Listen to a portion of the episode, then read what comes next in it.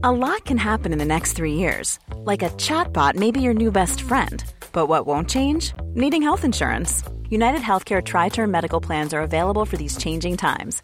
Underwritten by Golden Rule Insurance Company, they offer budget friendly, flexible coverage for people who are in between jobs or missed open enrollment. The plans last nearly three years in some states, with access to a nationwide network of doctors and hospitals. So, for whatever tomorrow brings, United Healthcare Tri Term Medical Plans may be for you. Learn more at uh1.com.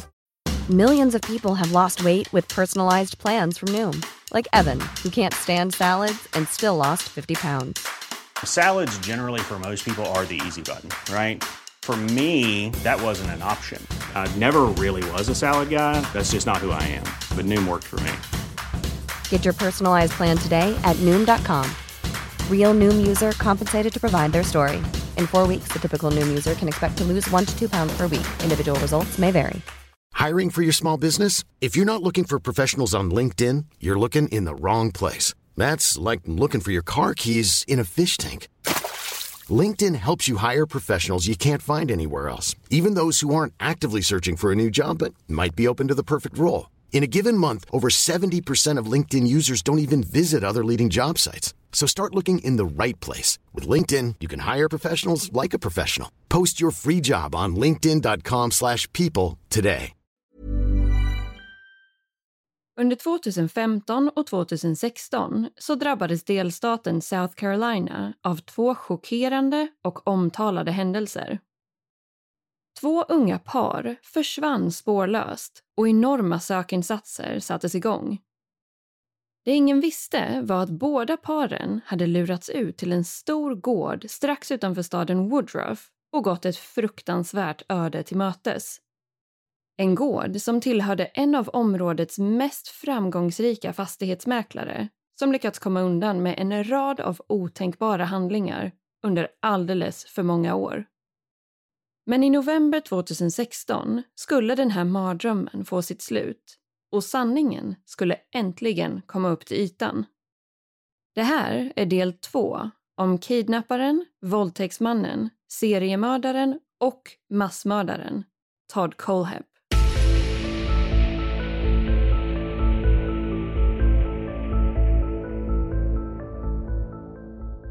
Hej på er och varmt välkomna ska ni vara till ännu ett avsnitt av Rysapodden och mer exakt del två av fallet Todd Colehep. Och nu har ju faktiskt ännu en vecka passerat så för att friska upp minnet lite grann så kommer jag som lovat att köra en kort liten sammanfattning kring allt det som vi gick igenom i den första delen. Men om ni inte har lyssnat på den första delen än så rekommenderar vi starkt att ni tar och lyssnar på den innan ni går vidare med det här avsnittet. Men i den första delen så gick vi igenom Todds minst sagt problematiska barndom och faktumet att han redan vid nio års ålder skickades iväg till en psykiatrisk klinik. Man bedömde då att han var arg och explosiv och att han redan hade osunda tankar kring sex. Från en tidig ålder visade Todd också upp en hel del ilska gentemot djur. Ett par år senare flyttade han från sin mamma i South Carolina till sin pappa i Arizona. Något han alltid hade velat och drömt om men som tyvärr inte visade sig vara riktigt så härligt som han hade föreställt sig. Hans pappa var konstant frånvarande och Todds beteende blev bara sämre och sämre. Vid 15 års ålder våldtog han en jämnårig flicka som bodde i grannskapet. I slutändan, och trots att han var minderårig vid tidpunkten för brottet, så spenderade han totalt 15 år i fängelse efter det här och släpptes alltså fri när han var 30 år gammal, år 2001. Det dröjde dock inte länge innan han begick sitt nästa brott och han gick då från våldtäkt till massmord när han år 2003 sköt ihjäl totalt fyra personer i en motorcykelbutik. Ett massmord som skulle bli känt som The Superbike Murders och som skulle förbli olöst i mer än ett decennium. Senare lyckades Todd, på grund av bristande bakgrundskontroller, få sig en mäklarlicens och byggde därefter upp en framgångsrik mäklarfirma i South Carolina. Han köpte flera fastigheter och hans största investering var en enorm gård med drygt 40 hektar mark strax utanför staden Woodruff det här var i maj 2014 och i samma veva så började Todd under sitt alias Me att skriva flera obehagliga recensioner inne på hemsidan Amazon. Något man inte upptäckte förrän efter det att han greps av polis. Bland annat skrev han följande kommentar om ett hänglås. Solid locks. Have five on a shipping container. Won't stop them. But sure will slow them down till they're too old to care. Men Todd spenderade såklart inte all sin tid med att sitta hemma och shoppa på Amazon. Han var nämligen stammis på ett lokalt café i närheten av hans bostad. Han uppskattade verkligen personalen på det här kaféet och framförallt de kvinnliga servitriserna. Enligt uppgift ska Todd under sina besök på kaféet ha lämnat överdrivet mycket dricks och försökt bjuda hem några av servitriserna till gården. Det här ska dock inte ha lett någon vart och det enda som det egentligen resulterade i var att servitriserna kände sig väldigt illa till mods varje gång han kom dit. Till slut ska det till och med ha blivit så pass illa att en av de manliga kockarna fick lov att ta emot alla Todds beställningar eftersom att servitriserna vägrade träffa honom. En av de här servitriserna var 25-åriga Megan McGraw Coxey. Och i slutet av 2015 skulle just Megan och hennes 29-åriga make Johnny Coxey bli Todd Colehebs femte och sjätte offer. Megan hade alltså fått kontakt med Todd genom det kaféet där hon arbetade. Och vid något tillfälle så ska han ha erbjudit Megan och Johnny möjligheten att komma och hjälpa honom och rensa upp och städa ute på hans stora gård utanför Woodruff. Det finns inte särskilt detaljerad information om exakt hur det här gick till och varför de valde att tacka ja till det här erbjudandet. Det var ju nämligen så att Megan troligtvis inte hade mycket till övers för Todd med tanke på att han ofta betedde sig väldigt opassande på kaféet. Men eh, utan att spekulera allt för mycket så lär det ju rimligtvis ha handlat om ekonomi och att Megan och Johnny såg det här som en bra möjlighet att kunna tjäna in lite extra pengar. Det här inträffade i mitten av december år 2015 och strax innan så hade både Megan och Johnny blivit frisläppta från varsin kortare fängelsevistelse. Johnny ska bland annat ha blivit gripen för att ha delgett falsk eller felaktig information till polisen. Megan däremot hade gjort sig skyldig till försummelse av barn och eh, enligt vissa källor ska det här ha handlat om att hon hade använt heroin under tiden som hon var gravid med parets gemensamma barn. Och utifrån vad vi har kunnat läsa oss till så blev det här barnet omhändertaget av socialtjänsten ganska så direkt efter födseln. Utöver de här incidenterna så hade både Megan och Johnny en relativt lång lista med både drog och alkoholrelaterade förseelser bakom sig och paret ska ha haft väldigt ont om pengar. Så av den anledningen kan man ju kanske tänka sig att Megan faktiskt gick emot sin egen vilja och magkänsla när paret tackade ja till att komma och arbeta ute på Todds gård. Vid den här tidpunkten, alltså i december 2015, så visste däremot ingen av Megan och Johnnys anhöriga att de faktiskt hade begett sig till just Todds fastighet och att det var där de befann sig. Utan deras vänner och familj märkte bara att paret försvann och att de inte längre gick att få kontakt med. Megans mamma försökte nå sin dotter via telefon flera gånger utan svar. Något som ska ha varit ett extremt onormalt beteende. Till slut blev hon så pass orolig att hon kontaktade polisen och anmälde både Megan och Johnny som försvunna den 22 december 2015. Trots att en sökinsats startades upp så hade polisen tyvärr väldigt lite att gå på och det skedde inga större framsteg i utredningen överhuvudtaget. Det finns också vissa tankar om att Megan och Johnnys försvinnande kanske inte togs på största möjliga allvar på grund av deras kriminella förflutna och faktumet att de båda två hade en historik av att missbruka både droger och alkohol och att polisen ska ha haft någon form av tanke om att de kanske hade valt att försvinna eller rymma iväg och starta upp ett nytt liv någon annanstans. Men det här var dock långt ifrån vad som faktiskt hade hänt. Det skulle sedan dröja ungefär ett år innan Megan och Johnny väl hittades och innan den egentliga sanningen kring deras försvinnande kom upp till ytan. Så vi kommer att komma tillbaka till den här delen lite senare i avsnittet Och istället så hoppar vi fram lite i tiden. Mer exakt hoppar vi fram drygt nio månader till slutet av augusti 2016. För då var det nämligen ett annat par som försvann spårlöst. Det här var 30-åriga Kayla Brown och hennes 32-åriga pojkvän Charles, eller Charlie, Carver. De bodde i staden Anderson och även de hade tackat ja till ett städjobb vid en av Todds fastigheter. Det var nämligen så, insåg man senare, att de faktiskt hade jobbat för Todd vid flera tillfällen innan det här också. Han ägde ju en hel del olika fastigheter och både Kayla och Charlie hade hjälpt till med bland annat städning, rensning och bortforsling av skräp. Allt ska ha funkat bra då och de hade fått betalt i tid för sitt arbete. Men just den här gången skulle saker och ting bli väldigt annorlunda. Man började misstänka att något verkade ha hänt Kayla och Charlie eftersom att båda två hade bokat in middagar med sina respektive vänner som ingen av dem dök upp till. Det senaste som någon av deras anhöriga hade hört från Charlie var ett kort svar på ett sms från hans mamma och det här skickade han den 29 augusti. Enligt uppgift ska Kayla ha pratat i telefon med sin kompis Lea under den 30 augusti. Kayla ska då ha sagt att hon befann sig i den närliggande staden Greenville och att hon skulle köra hem samma dag. Runt klockan sex på morgonen den 31 augusti ska Kayla sedan ha skickat ett sms till samma kompis, Lea, och frågat om hon var vaken. När hon sen svarade på det här smset fick hon aldrig något svar tillbaka från Kayla och ingen annan lyckades få tag i paret heller. Till slut valde därför både Charlies mamma och kompisen Lea att anmäla paret som försvunna hos polisen precis i början av september 2016.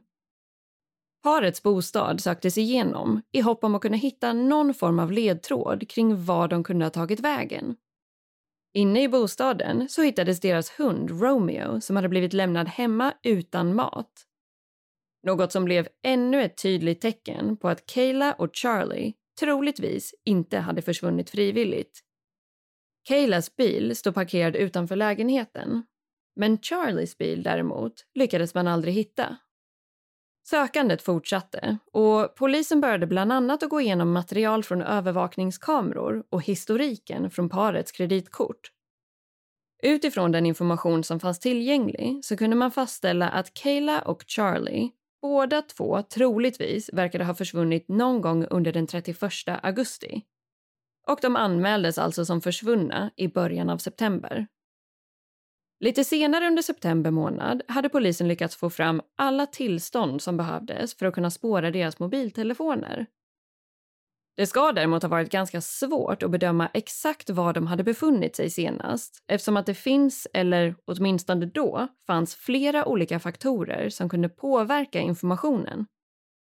I en intervju från tidningen Anderson Independent Mail så pratar en av de ansvariga utredarna, Brad Whitfield, om att det här bland annat kan vara att olika mobiloperatörer erbjuder olika typer av data och att vissa är mer specifika och korrekta än andra.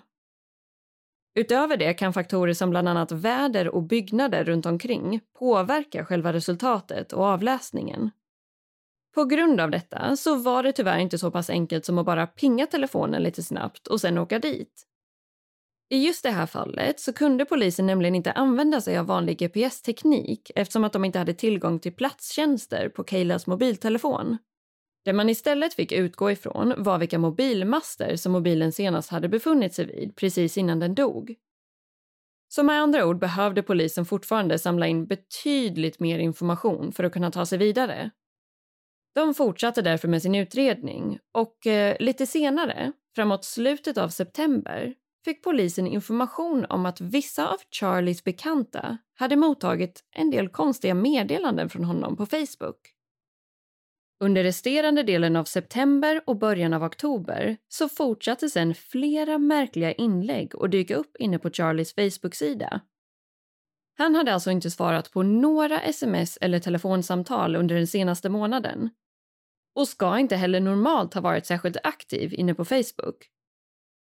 Så med andra ord kändes ju allt det här oerhört konstigt och inte alls likt Charlie.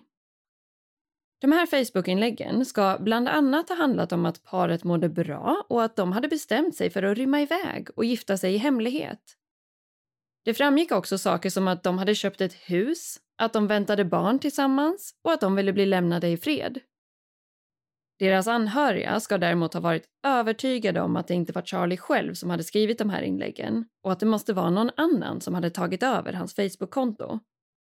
Han postade också en hel del bilder på honom själv tillsammans med Kayla. Men det här ska då ha varit bilder som deras anhöriga kände igen och som hade tagits långt innan detta. De här obehagliga Facebook-inläggen adderade ännu mer mystik kring Kayla och Charlies försvinnande. Och i samband med det här så blev fallet väldigt omtalat, inte bara i South Carolina, men runt om i hela USA. Polisen fick sen total tillgång till Charlies Facebook-konto runt den 1 oktober och till Kaylas konto runt mitten av oktober. Och jag måste ändå säga att jag blev ganska så förvånad över att hela den här processen tog så pass lång tid. Men samtidigt så kan man väl tänka sig att det är en svår balans mellan att dels tillgodose polis och myndigheter med information och att samtidigt tillgodose sina kunder eller användares integritet. Så man kan ju absolut tänka sig att det är en hel del administrativt men framförallt juridiskt arbete med allt sånt där. Men ungefär i samma veva som allt det här så fick polisen i Anderson in ett anonymt tips om att Kayla Browns kropp skulle ligga begravd ute på en stor gård, runt 100 acres, alltså 40 hektar, i Spartanburg County i South Carolina. Det ska dock sägas att eh, enligt vissa källor så har det här anonyma tipset beskrivits mer som obefogade rykten på stan. Så det är fortfarande inte helt tydligt varifrån den här informationen faktiskt kom. Men polisen noterade i alla fall den här informationen och ungefär samtidigt så upptäckte de ett annat intressant spår. Utredare hade då gått igenom massa gamla meddelanden och konversationer inne på Kaylas Facebook-konto och upptäckt en hel del kommunikation mellan Kayla och en man på Facebook där de hade pratat om ett potentiellt jobbuppdrag.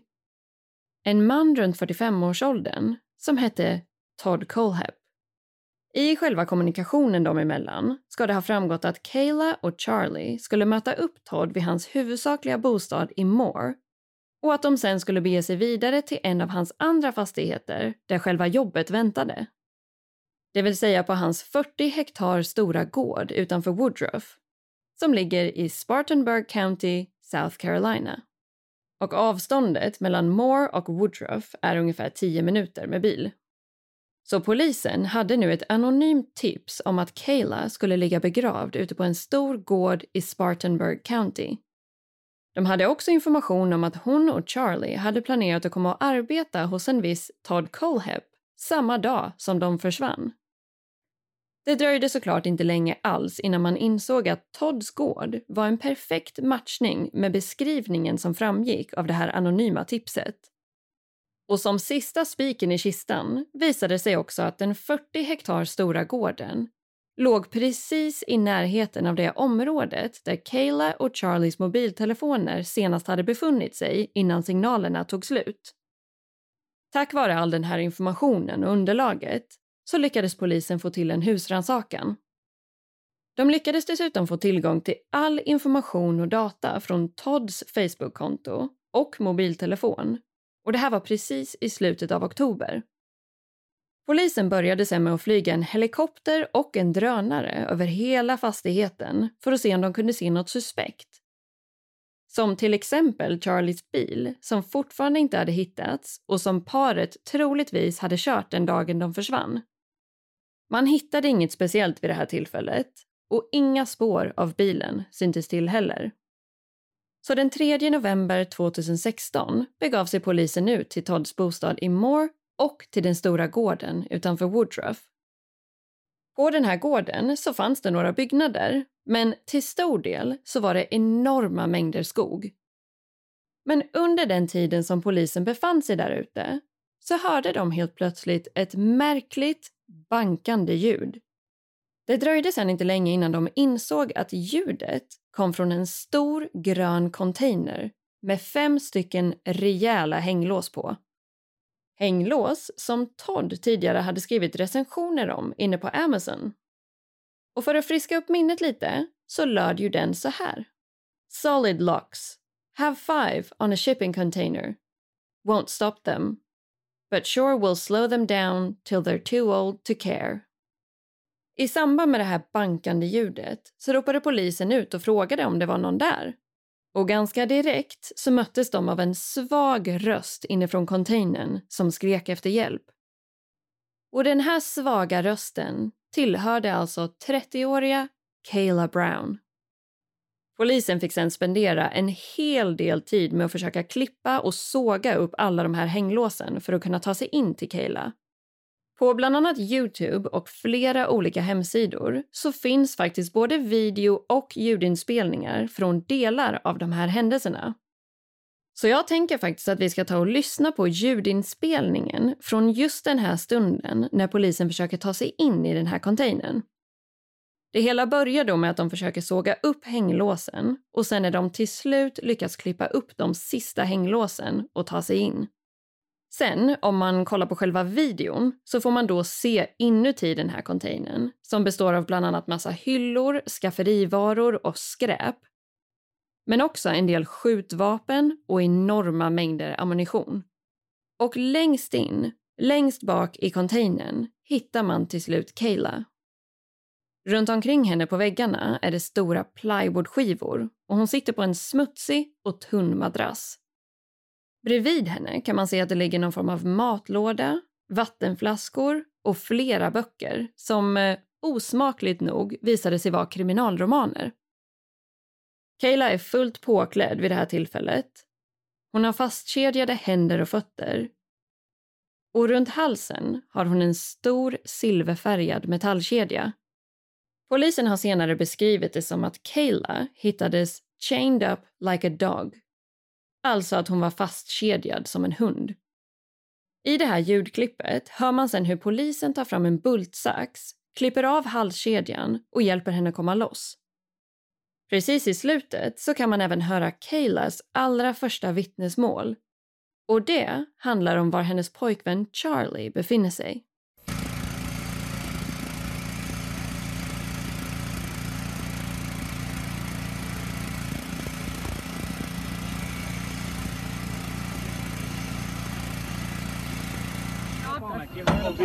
Yes. Pull that one first. All right, let them get ready. Y'all ready? Come on, guys.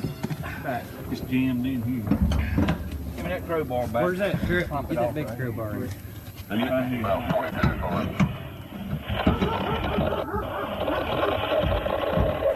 Where's John? Put it right here.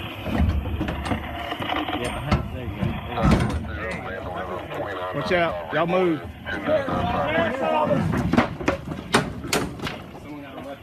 I got it. Watch out, boss. Back up. Joey. Joey. Sheriff's office. Sheriff's office. I need you What? Grab that Back up there. Just one. Are you okay? Grab what? Mm-hmm. Go. Do you have any weapons? Coming through, okay? What's your name? What's your name, man? Lauren. Lauren. Okay. All right. Just a girl. Just a girl. Just a girl. How are you, honey? This is this, bolt cutters. This is our best. He's a paramedic. sweetheart. Oh, yeah. Okay, we're gonna get you out of there. Okay. Just hang loose for me. Anybody got? A, I need a handcuff key.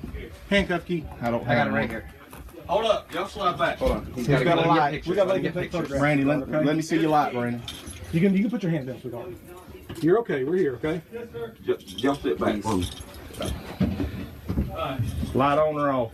You're fine. We'll get the rest of it here. Let's get her out of here. We're getting bolt cutters, honey. Don't don't. You got pictures of the cuffs? No, hold on. Bolt cutters. Is both feet. Just one. Let me It's see. attached Is to a attached? chain from Okay, the wall, okay. and my neck's attached to the wall up here. Okay. All right. All right. We're gonna get you out, sweetheart. Okay. You got a handcuff here. I got no. Mine's in my car. I got no. No, mine's under my car. Gloves on when I did that. But No big deal. bolt cutter. No big deal. Just hit, hit the chain right there, loose. Hold it up. Just no, just right there at her hand, Brandon. We'll we'll get it off. We'll get it off here. Cut it right here.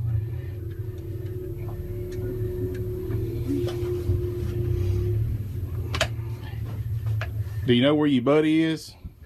Charlie. Yes. He shot him. He shot him. He shot Who him. did? Who? Todd Colehep shot Charlie Carver three times in the chest, wrapped him in a blue tarp, put him in the bucket of the tractor, locked me down here, and I never seen him again. Okay. He says he's dead and buried. He says there's several bodies dead and buried out here, and he says that the dogs will be ruined if they go looking because there's red pepper. We're gonna step you up, sweet. Because there's what? Red pepper. Okay. Tell the dog people that. He says No, there's pepper everywhere around the car. The car's supposedly in a ravine in the back of the land. Okay. Supposedly covered and painted. John. Ja, så för att förtydliga lite här så frågade alltså poliserna Kayla om hon visste var Charlie befann sig. Hon svarar då att han sköt honom. Polisen i sin tur frågar då vem sköt honom? Därefter svarar Kayla följande. Todd Colehep sköt Charlie Carver tre gånger i bröstkorgen, svepte in honom i en blå presenning, la honom i traktorn och låste fast mig här nere och jag har inte sett honom sedan dess. Just det här uttalandet säger Kayla på ett ganska lugnt, samlat och sakligt sätt. Så man kan ju bara föreställa sig hur länge hon hade längtat efter att få ge det här vittnesmålet och att få ur sig just de här orden till polisen. Kayla berättar sen att Todd ska ha sagt att Charlie är död och begravd och att det dessutom finns flera andra kroppar begravda ute på gården. Och tyvärr så visade sig den här informationen stämma väldigt väl.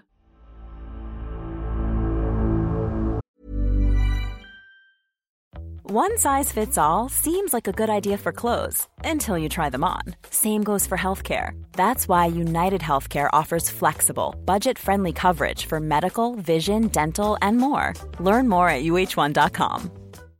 One size fits all seemed like a good idea for clothes Nice dress. Uh, it's a it's a t-shirt.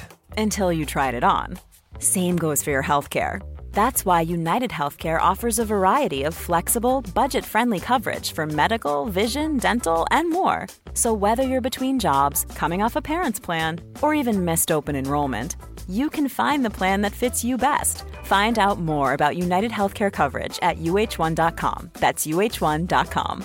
Quality sleep is essential. That's why the Sleep Number Smart Bed is designed for your ever evolving sleep needs. Need a bed that's firmer or softer on either side? Helps you sleep at a comfortable temperature? Sleep Number Smart Beds let you individualize your comfort so you sleep better together. JD Power ranks Sleep Number number 1 in customer satisfaction with mattresses purchased in-store. And now, save 50% on the Sleep Number limited edition Smart Bed for a limited time. For JD Power 2023 award information, visit jdpower.com/awards. Only at a Sleep Number store or sleepnumber.com.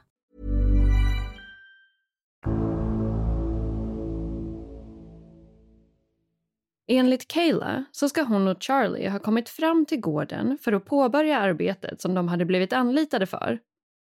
Todd ska sen ha gått iväg för att hämta någonting i garaget och därefter ska han ha kommit ut och skjutit Charlie tre gånger i bröstet, rakt framför ögonen på Kayla. Han tvingade sen in henne till containern där hon kedjades fast.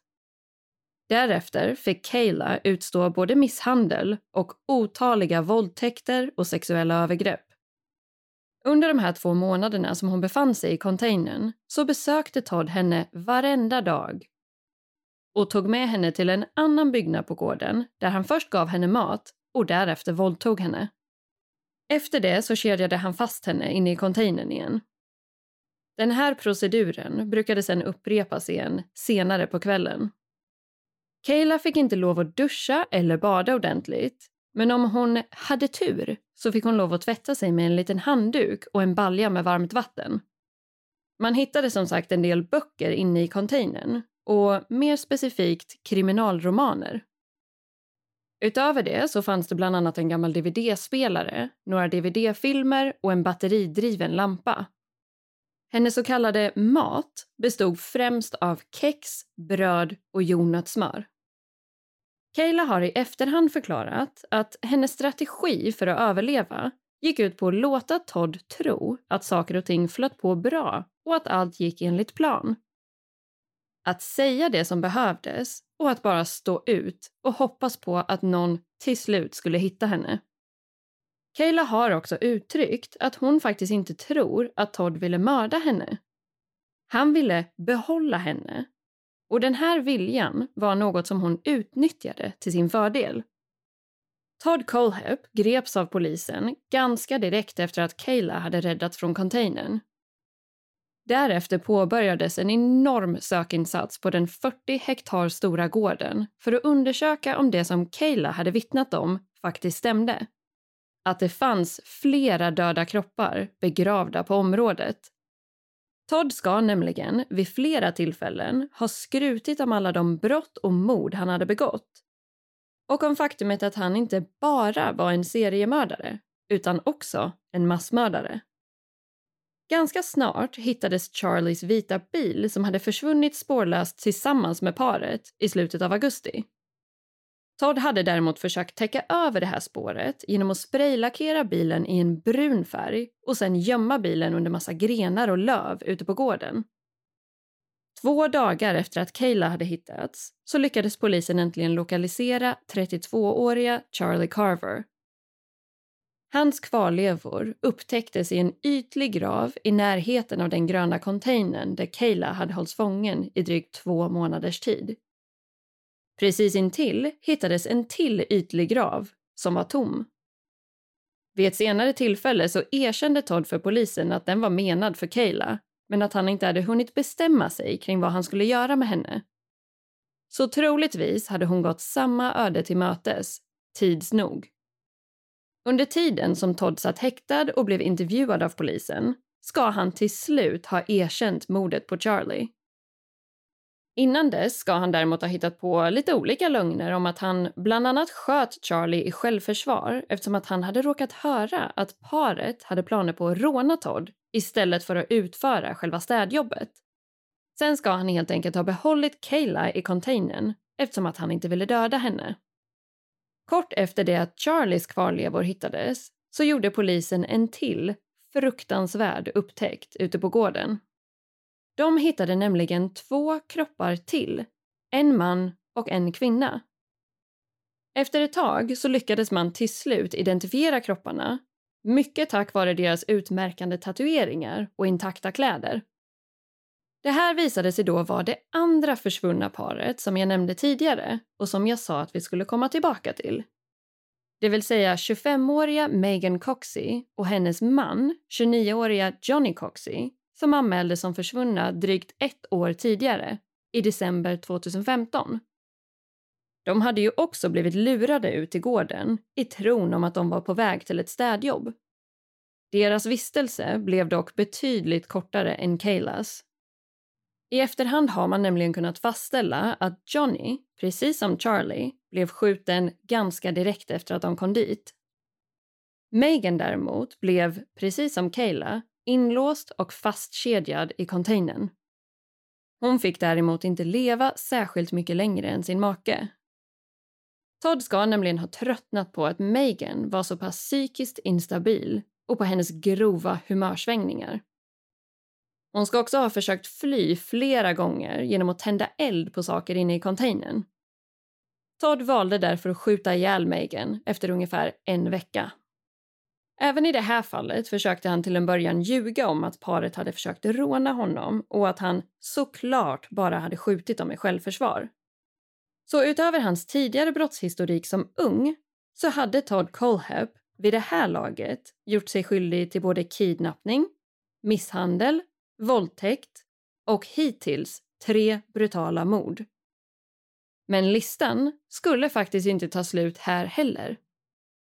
För under tiden som Todd satt häktad för allt annat han hade gjort så valde han också att erkänna sig skyldig till ett massmord där han hade dödat totalt fyra personer. Ett massmord som ägde rum i den lilla staden Chesney i South Carolina år 2003, det vill säga 13 år tidigare. Ett massmord som blivit känt som The Superbike Murders. Det vill säga den brutala skjutningen som jag pratade om i den första delen. Todd hade alltså skjutit ihjäl alla fyra personer som befann sig inne i den här motorcykelbutiken. Och det här visste vi ju redan, så här i efterhand. Men det här blev väldigt omtalat eftersom att det här massmordet hade varit olöst i 13 års tid. Och helt plötsligt fick allmänheten veta vad som faktiskt hade hänt den där dagen i november 2003. Eller exakt vad som hände och varför är det tyvärr ingen som kan vittna om. Men enligt Todd själv så ska ju hans huvudsakliga motiv ha varit att han hade blivit hånad av personalen inne på Superbike Motorsports i samband med att han ville returnera en motorcykel. Därför sköt han ihjäl fyra helt oskyldiga människor. 30-åriga Brian Lucas, 30-åriga Scott Ponder, 52-åriga Beverly Guy och 26-åriga Chris Sherbert. I Todds erkännande ska han dessutom ha beskrivit flera detaljer om själva utförandet som polisen aldrig hade släppt till allmänheten. Det finns också inspelat material från det förhöret när polisen och Todd sitter och pratar om det här massmordet. Han sitter då och skryter om hur effektiv han var i sitt mördande och säger bland annat följande till poliserna. Det var en stor byggnad och jag tömde den på 30 sekunder. Jag är ledsen, men helt ärligt, ni skulle ha varit stolta. Utöver det beskriver Todd hur fokuserad han var och att det nästan var som att spela ett tv-spel. Större delen av det här förhöret finns som sagt att ta del av på bland annat Youtube. Men jag kan säga att eh, i alla fall jag tröttnade på att höra hans röst ganska så snabbt eftersom att han är en otroligt vidrig person. Han pratar nämligen helt utan ånger eller känslor och både skrattar och skämtar om vissa delar. Bland annat skämtar Todd om att hans nya kändisskap kanske kan ge hans mäklarfirma lite extra skjuts i försäljningen. Men sammanfattningsvis så åtalades alltså Todd Colehep för kidnappning, våldtäkt och totalt sju mord. Mordet på Kaylas pojkvän Charlie Carver i augusti 2016 på Megan och Johnny Coxey i december 2015 och de fyra offren i motorcykelbutiken i november 2003. I slutet av maj 2017, drygt sju månader efter att han greps, så var det dags för Todds rättegång. Han valde då att erkänna sig skyldig till samtliga anklagelser. Och det ska sägas att det här gjorde han inte på grund av att han ville göra rätt för sig. Utan Todd valde att erkänna sig skyldig eftersom att han på så vis lyckades undvika dödsstraffet. Han visade inte heller på några känslor eller någon form av ånger under hela rättegången. Inte ens när offrens anhöriga vittnade om hur de hade påverkats av hans gärningar och förlusten av deras älskade mammor, söner, döttrar och vänner. Utöver de sju offren som han dömdes för så har Todd vid flera tillfällen och på flera olika sätt sagt att han har mördat betydligt fler personer än så. Och på ett sätt kan man ju absolut tänka sig att det stämmer. Men samtidigt finns det många som tror att han bara vill ha uppmärksamhet och att det inte finns några belägg alls för det han påstår. Men det här är fortfarande lite av en obesvarad fråga. Och vid ett senare tillfälle, i december 2017, så skickade Todd Coleheb själv in ett brev till en lokal tidning där han skrev att han hade mördat fler än sju personer. Återigen så har det här aldrig kunnat bevisas, men både polisen i South Carolina och FBI har gått ut och sagt att de fortsätter utreda fallet och att de inte har stängt den dörren, så att säga. En annan lite obesvarad fråga i det här fallet är alla de här märkliga inläggen som dök upp på Charlie Carvers Facebook-sida i samband med att han och Kayla var försvunna. När han bland annat skrev om att de mådde bra och att de skulle gifta sig och hade köpt hus. Den här informationen dyker nämligen upp i princip överallt när man läser eller hör om det här fallet, men det får aldrig någon egentlig förklaring. För man undrar ju nämligen om det faktiskt var Todd som skrev de här inläggen och i så fall varför han gjorde det. För i väldigt många artiklar, poddar och dokumentärer så nämns just de här konstiga Facebookinläggen. Och då utgår man ju nästan ifrån att det var Todd som hade tagit över Charlies Facebook. Men utifrån vad vi har kunnat läsa oss till så ska det faktiskt inte alls ha varit Todd. Utan polisen ska senare ha lyckats spåra att de här inläggen kom från en hemadress i staden Anderson där Charlie och Kayla bodde tillsammans. Men själva adressen som kunde kopplas ihop med Facebook-aktiviteten tillhörde ingen mindre än Nicole Carver, Charlies före detta fru. Hon ska också, i början av utredningen, ha gett polisen en hel del inkorrekt och rent av vilseledande information. Bland annat ska hon ha sagt att hon hade pratat med Charlie och Kayla och att de mådde bra och befann sig i Florida. Enligt polisen så slösade de därför bort enorma mängder av både tid och resurser som en direkt påföljd av Nicoles uttalanden. Så de skulle ju eventuellt ha kunnat gripa Todd betydligt tidigare om de inte hade fått all den här felaktiga informationen. Nicole Carver blev senare åtalad för hennes del i allt det här och för att medvetet ha vilselett polisen. Men som tur är så lyckades ju polisen till slut hitta Todd Coleheb innan han hann skada eller mörda ännu fler oskyldiga människor. Kayla ska nämligen ha sagt att han till och med hade börjat prata med henne om sitt nästa offer, en kvinna som hette Holly. Efter att Todd hade erkänt sig skyldig under rättegången så dömdes han den 26 maj 2017 till sju livstidsstraff. Ett för varje mordoffer. Och han må ha kommit undan dödsstraffet, men utifrån att Todd dömdes till livstid utan möjlighet till frigivning så kommer han aldrig någonsin komma ut igen. Idag är Todd Colehep 51 år gammal och sitter fängslad vid Broad River Correctional Institution som ligger i Columbia, South Carolina. Han ägde ju dessutom en hel del fastigheter och satt därför på väldigt mycket pengar. Mer exakt, flera miljoner dollar. Man valde senare att sälja och auktionera ut i princip all hans egendom och att ge pengarna till offrens familjer och anhöriga. Todds överlevande offer, Kayla Brown, ska dock ha fått större delen av pengarna i skadestånd. Flera av offrens anhöriga har medverkat i olika tv-reportage och dokumentärer och berättat om sina erfarenheter och i februari 2017 så valde Kayla att medverka i en exklusiv intervju i två delar hos Dr. Phil. Och jag tänker faktiskt att vi ska ta och runda av det här avsnittet med ett citat från Kayla som kommer från just den här tv-intervjun. Dr. Phil, alltså värden Phil McGraw, ställer nämligen den här frågan. If he's watching this right now, what do you have to say to him? Och Kayla svarar då följande. I would just tell him that no matter what he did to me, he did not break me. He cannot destroy who I am, and I won. He tried to crush me, but I'm not broken.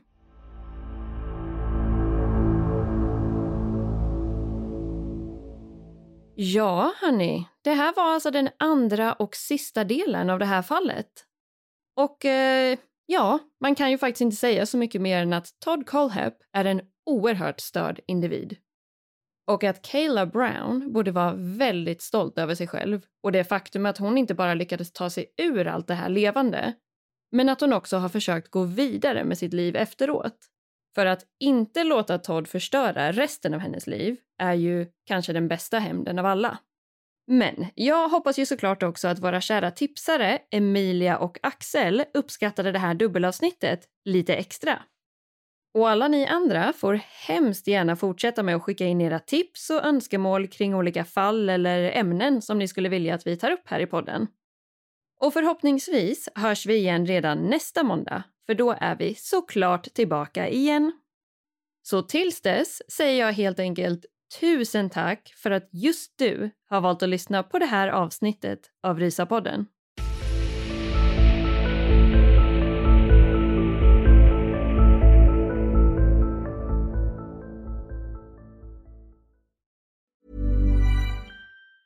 Hey, it's Danny Pellegrino from Everything Iconic. Ready to upgrade your style game without blowing your budget? Check out Quince. They've got all the good stuff shirts and polos, activewear, and fine leather goods, all at 50 to 80% less than other high end brands. And the best part? They're all about safe, ethical, and responsible manufacturing. Get that luxury vibe without the luxury price tag. Hit up quince.com slash upgrade for free shipping and 365 day returns on your next order. That's quince.com slash upgrade. Hey, it's Paige DeSorbo from Giggly Squad. High quality fashion without the price tag. Say hello to Quince. I'm snagging high-end essentials like cozy cashmere sweaters, sleek leather jackets, fine jewelry, and so much more. With Quince being 50 to 80% less than similar brands. And they partner with factories that prioritize safe, ethical, and responsible manufacturing. I love that. Luxury quality within reach. Go to quince.com slash style to get free shipping and 365 day returns on your next order. Quince.com slash style.